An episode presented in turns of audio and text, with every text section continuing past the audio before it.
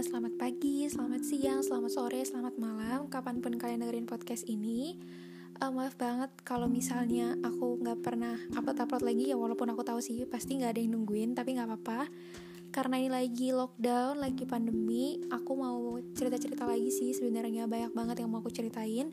Dan karena aku juga kuliah ya Jadi kan pembelajaran sekarang tuh jarak jauh gitu jadi banyak banget hal-hal baru yang aku temuin terus banyak banget um, apa ya kayak environment yang baru juga sih. Harusnya kan aku bertemu banyak orang. Tapi sekarang tuh aku jadi jarang buat ketemu orang selain dari anggota keluargaku. Nah karena pembelajaran jarak jauh ini aku tuh ngerasa kayak ada enaknya ada enggaknya. Kenapa kalau misalnya aku boleh cerita, enaknya itu pembelajaran jadi nggak terbatas. Aku bisa akses dari YouTube, aku bisa akses dari Google, terus aku bisa akses banyak banget platform-platform yang tersedia yang menunjang uh, pembelajaran aku gitu. Tapi di satu sisi kayak banyak juga gitu dampak negatifnya. Ngomongin tidak terbatas tadi juga, selain ada referensi itu, aku juga bisa sih akses di mana pun. Karena kan semuanya bisa selain pakai HP ya. Maksudnya nggak harus tatap muka gitu loh. Jadi aku bisa aja aku aksesnya waktu malam hari atau pas aku lagi jalan sambil ngerjain tugas. Nggak harus yang duduk di kelas nyelesain pulang udah gitu. Kalau yang negatifnya itu based on my personal experience ya aku tuh gampang banget buat ke distract. Maksudnya ke distract tuh kalau misalnya menurutku ini udah nggak seru yang dibahas sama dosennya atau dibahas sama pematerinya aku kayak gampang banget bosen. Jadinya aku lebih milih untuk jadi aku ngelakuin hal yang lain aja gitu. Jadi kayak aku seakan-akan dengerin podcast gitu loh bukan mendapatkan materi. Terus sudah gitu karena itu hal yang baru aku masih harus beradaptasi. Jadi aku nggak get used to it. Dan entah ya menurutku tuh susah banget buat kita kayak ngerespek orang yang ada pas mengasih materi gitu. Mereka udah nge-spend banyak waktu dan bukan hal yang mudah untuk bikin materi-materi itu dalam bentuk online. Dan untuk mengajar dalam bentuk online. Karena pasti banyak dari dosen-dosen atau pemateri yang biasanya tuh tatap muka yang bisa ngobrol yang bisa baca. Kondisinya tuh kayak gimana sih biar nggak apa garing-garing banget gitu biar asik. Cuma kan kalau online mereka kayak ngomong depan kamera dan yang mereka lihat adalah muka mereka sendiri. Saat mereka ngomong bukan uh, suara dari bukan muka atau suara dari audiensnya gitu kan dan apa ya menurutku tuh jadi aneh aja gitu loh rasanya beda gitu. Karena kan vibes waktu kita di kelas dengerin dosen ngomong sama vibes kita cuma duduk depan laptop dengerin dosen ngomong. Itu kayak beda banget. Dan jadi minder aja kalau misalnya dosen lagi ngejelasin terus kita kalau mau nanya kayak aduh gimana ya? gitu. Percuma juga kalau misalnya mereka jelasin tetap aja kita tetap masih sulit untuk mengerti mungkin untuk sebagian orang mereka akan merasakan hal yang sama sih sama kayak hal yang aku rasain. Dan karena adanya online ini kita bisa nyelesain semua tugas itu secara multitasking nih. Multitasking itu kayak dua mata pisau sih. Bisa positif bisa negatif. Mungkin buat sebagian orang yang terbiasa dengan multitasking apalagi perempuan-perempuan kebanyakan itu tuh pasti kayak sambil mereka dengerin mereka bisa masak misalnya. Mereka bisa lipat baju let's say. Atau misalnya sambil dengerin mereka sambil makan kayak atau aktivitas lain lah selain mereka dengerin dosen atau pemateri. Tapi buat sebagian orang yang nggak biasa sama multitasking itu pasti bakalan kayak terpecah fokusnya. Jadi mereka nggak tahu harus milih mana yang mau dilakuin dan mana yang prioritas mereka. Alhasil apa yang materi mereka dapat itu jadi useless gitu loh. Kayak cuma dengerin oh pertama waktu mereka fokus materi tentang ini tapi setelah itu nggak ada materi yang didapat gitu loh. Nggak ada poin-poin yang mereka dapetin. Dan menurutku sama sih sebenarnya. Kayak kita kelas di ruangan maksudnya tuh tatap muka itu juga sama. Ada positifnya ada negatifnya. Kalau buat sebagian orang mungkin seneng kali ya dengan keadaan sekarang ini yang maksudnya belajar itu jarak jauh. Karena nggak harus datang ke tempat terus juga sewa kosan. Kalau buat teman-teman yang ngerantau kan harus sewa kosan dan itu biayanya lagi. Kalau misalnya yang di rumah sih mungkin enak kali ya tinggal sama orang tua. Kalau misalnya ngekos kan kadang-kadang biaya kosan itu nggak murah gitu loh. Di satu sisi kita harus bayar kosan dan living costnya juga bertambah. Kalau bisa di rumah kan seenggaknya kita bisa sharing sama orang tua. Terus kenapa sih isu ini tuh kayak penting banget buat aku ceritain? Karena menurutku kalau sekarang itu bener-bener semuanya tuh udah online kan. Mungkin kalau di zaman sekarang itu online itu udah kayak ngetren banget ya. Kalau di luar negeri menurutku tuh udah dari dulu sih dari dulu banget itu tuh udah kalau belajar pasti selalu online. Jadi kita sering banget ngeliat kalau misalnya youtuber youtuber yang luar negeri itu mereka kuliah tinggal bangun tidur buka laptop ngerjain tugas udah. Mereka nggak perlu ke kampus. Dan kita nggak pernah ngerasain itu karena kita jarang banget atau bahkan hampir nggak pernah yang namanya kuliah online belajar online sekolah online kerja online. Mungkin kalau online itu buat yang kantor-kantor yang apa ya perusahaan-perusahaan yang berbasis internasional kali ya. Mungkin kalau yang berbasis luar negeri mereka kan kebanyakan kerjanya sama orang-orang luar. Jadinya ada ada jarak yang memisahkan benua yang memisahkan negara yang memisahkan. Jadi udah pasti online gak mungkin ketemu. Tapi kalau buat orang Indonesia hampir gak pernah sih menurutku. Let's say Google Classmate ya. Kalau Google Classmate kan juga sebenarnya um, online online tugas-tugasnya terus juga belajarnya online misalnya dosen yang ngasih materi. Cuma bukan yang online benar-benar online yang gak tatap muka sama sekali. Itu cuma kayak dikasih tugas aja menurutku. Cuma itu udah salah satu uh, bukti kalau misalnya akan adanya uh, kuliah atau pekerjaan atau sekolah online. Terus juga hal yang aku rasain kenapa sih ini penting banget? Karena sekarang itu kita butuh banget yang namanya informasi-informasi yang lebih valid dibandingkan dulu.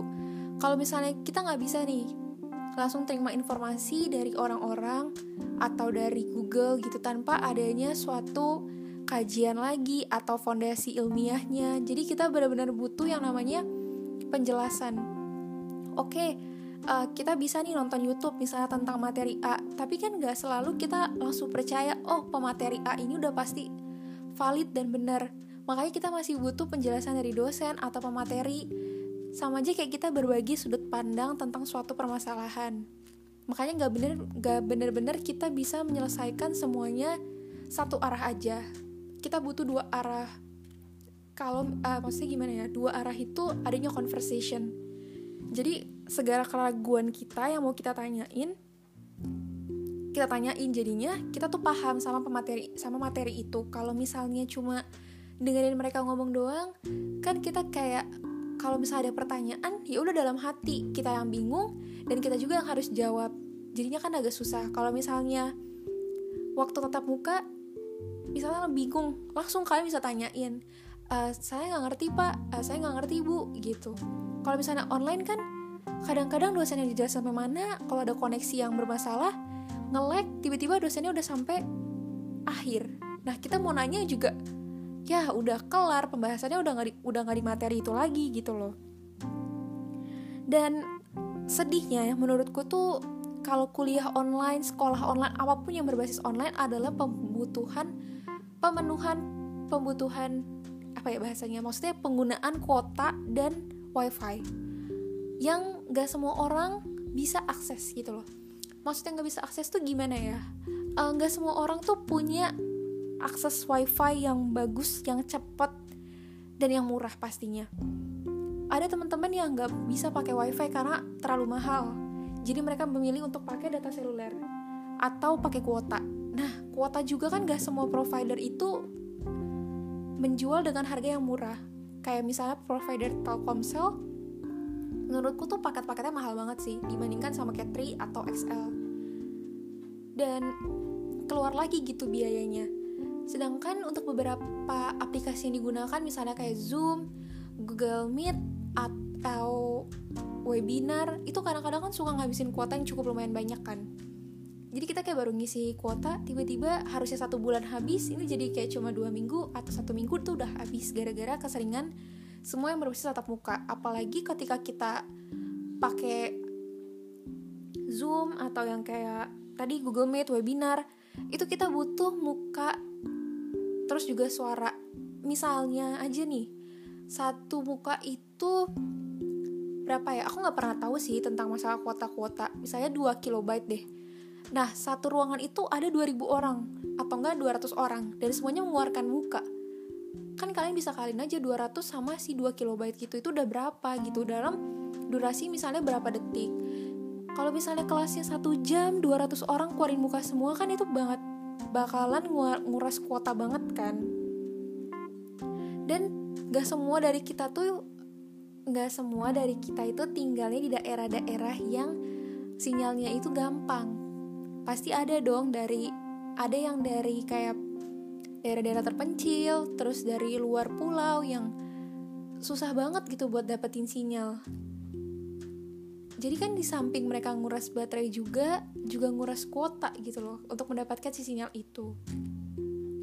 Nah jadi tuh isu-isu ini tuh kayak penting banget dibahas karena apa ya? Kalau menurutku tuh kita tuh masih bingung. Kita pelajar kita pengajar kita pemerintah dan semua orang-orang tuh lagi bingung cara terbaik supaya pembelajaran online ini menguntungkan semua pihak itu gimana sih caranya? Gimana cara yang efektif? Gimana caranya guru yang pertamanya dari tatap muka tiba-tiba berubah jadi guru yang harus mengajar secara virtual? Aku punya cerita dari guruku. Jadi dia cerita gini, kalau menurut dia itu sebenarnya kuliah uh, pengajar sebagai pengajar itu nggak susah banget kalau misalnya secara online Cuma yang bikin susah adalah mereka nggak tahu kondisi anak-anak mereka tuh kayak gimana. Karena kan sebagai dari guru-guru memilih untuk tidak mengeluarkan atau tidak meminta murid-muridnya untuk pakai muka. Kenapa? Karena tadi balik lagi kuota yang keluar itu bakal lebih banyak. Jadi biarin aja muka dari gurunya aja. Jadi kita dengerin. Nah, kalau misalnya di kelas kata kata guruku itu mereka pas ngajar mereka bisa lihat keadaan anak-anak muridnya kayak gimana. Aduh, kayaknya mereka capek deh. Cerita dulu yuk kenapa? Kamu habis ini emang sebelumnya kamu habis pelajaran apa? Apa yang kamu rasain? Jadi ada conversation. Jadi terbentuk gitu loh kayak ikatan bondingnya antara guru sama murid. Begitupun sebaliknya mereka saling mengetahui gimana sih keadaannya masing-masing. Jadi kalau misalnya pas murid-muridnya kayaknya lagi capek atau misalnya lagi banyak masalah yuk kita ngobrol dulu yuk. Kita ngobrol setelah udah tenang baru kita ajarin tentang materi itu. Soalnya kalau langsung dia ngajarin materi pasti nggak akan masuk ke otak kita. Karena otak kita tuh lagi banyak masalah yang apa ya yang menurut kita tuh penting dibandingkan materi-materi pelajaran nah karena ini online jadinya tuh up, kayak gurunya tuh nggak tahu kondisi anaknya gimana. Apakah anak itu cuma buka laptop tapi dia tidur lagi atau dia misalnya nggak dengerin tapi dia main game atau yang misalnya benar-benar dengerin tapi nggak paham dan malu untuk bertanya. Guru-guru nggak bisa tahu itu gitu loh. Mereka cuma bisanya oh ya udah ngomong depan kamera nih materinya tentang ini jelasinnya tentang ini udah gitu aja. Mereka nggak bisa nanyain gimana keadaan murid-muridnya. Terus anak-anaknya tuh lagi mikirin apa. Dan gak ada menurutku tuh karena online ini jadi nggak ada ikatan bonding antara guru maupun murid. Karena semuanya beras uh, karena semuanya itu satu arah bukan dua arah lagi. Dan satu arah itu tuh benar-benar kayak cuma dengerin orang ngomong udah gitu aja. Kalau kita nggak interested di materi itu kita juga pasti males buat dengerinnya. Semua berdasarkan formalitas aja. Pemenuhan absen terus juga biar dilihat sama teman-teman kalau kita hadir terus buat image bukan kebutuhan pribadi kita gitu loh untuk kepuasan diri kita. Dan kalau masalah ini tuh jadi harus dikaji dan harus dievaluasi lagi gitu loh untuk mendapatkan gimana sih cara terbaiknya? Karena semuanya lagi bingung. Kita harus gimana? Kita cuma bisa ngelakuin ya udahlah kita pembelajaran satu satu arah aja. Anak-anak dengerin terus murid, terus guru-gurunya lihat kalau oh murid-muridnya pada ikut nih masuk ke kelas. Ya udah berarti mereka ada. Tapi nggak ada lagi gitu loh untuk apa ya untuk bonding. Dan kita juga jadi pribadi yang berbeda pastinya. Awalnya kita selalu ketemu orang. Mau nggak mau kita harus bersosialisasi sama mereka kita belajar gimana caranya nge-respect orang terus kita ketemu pribadi yang berbeda-beda yang gak bisa di fakein gitu. Kita pasti bakal ketemu mereka yang seril realnya tapi ketika semuanya berdasarkan online ini kita jadi bingung sama mereka. Ini mereka yang sesungguhnya atau mereka yang ngebuat image mereka kayak gini? Kalau kita mau ya sama teman kita bisa nggak bantuin materi yang ini mereka punya apa ya punya banyak cara yang misalnya oh maaf ya HP aku lagi nggak aktif lah internet aku lagi gimana gimana. Yang jadinya tuh nggak ada bonding dan kita kelamaan tidak bertemu dengan orang-orang selain anggota keluarga jadi bingung. Uh, ini tadi aku belajar apa ya? Terus gimana ya cara sosialisasi, sama orang? Gimana ya caranya aku nanya sama orang? Itu semua tuh kayak keraguan aku ketika di masa-masa pandemi ini aku kelamaan lockdown di rumah aku jujur jadi bingung kayak ketemu orang-orang kayak ngerasa aneh aja keluar dari suatu gua yang ketemu banyak banget sama orang. Jadi aneh aja sih kalau menurutku. Dan menurutku dengan adanya online ini tuh ya terbantu sih pasti terbantu ya. Karena banyak referensi yang bisa aku dapetin kalau untuk masalah wifi atau kuota itu balik lagi tergantung orang-orang. Mahal atau tidaknya kan relatif. Terus juga kita nggak bisa salahin orang-orang karena tempat tinggal kita juga berbeda. Ada yang di desa-desa, ada yang di kota-kota. Sinyal juga kita nggak bisa milih gitu loh. Mau sinyal yang cepat, apa yang gimana. Karena kan tuh balik lagi tergantung dari lokasinya. Cuma karena aku personally adalah orang yang belajar tuh harus hadir di tempat yang dengerin dosen secara langsung gimana materinya yang harus nyatet. Dan aku bukan tipikal orang yang seneng ada di depan layar berjam-jam. Karena tuh mata tuh bakalan capek banget kalau misalnya ada di lay depan layar terus. Jadi aku lebih suka kalau misalnya belajar tatap muka. Jadi ya sejujur-jujurnya sih aku kurang suka ya dengan pembelajaran online ini. Cuman enaknya kenapa bisa belajar?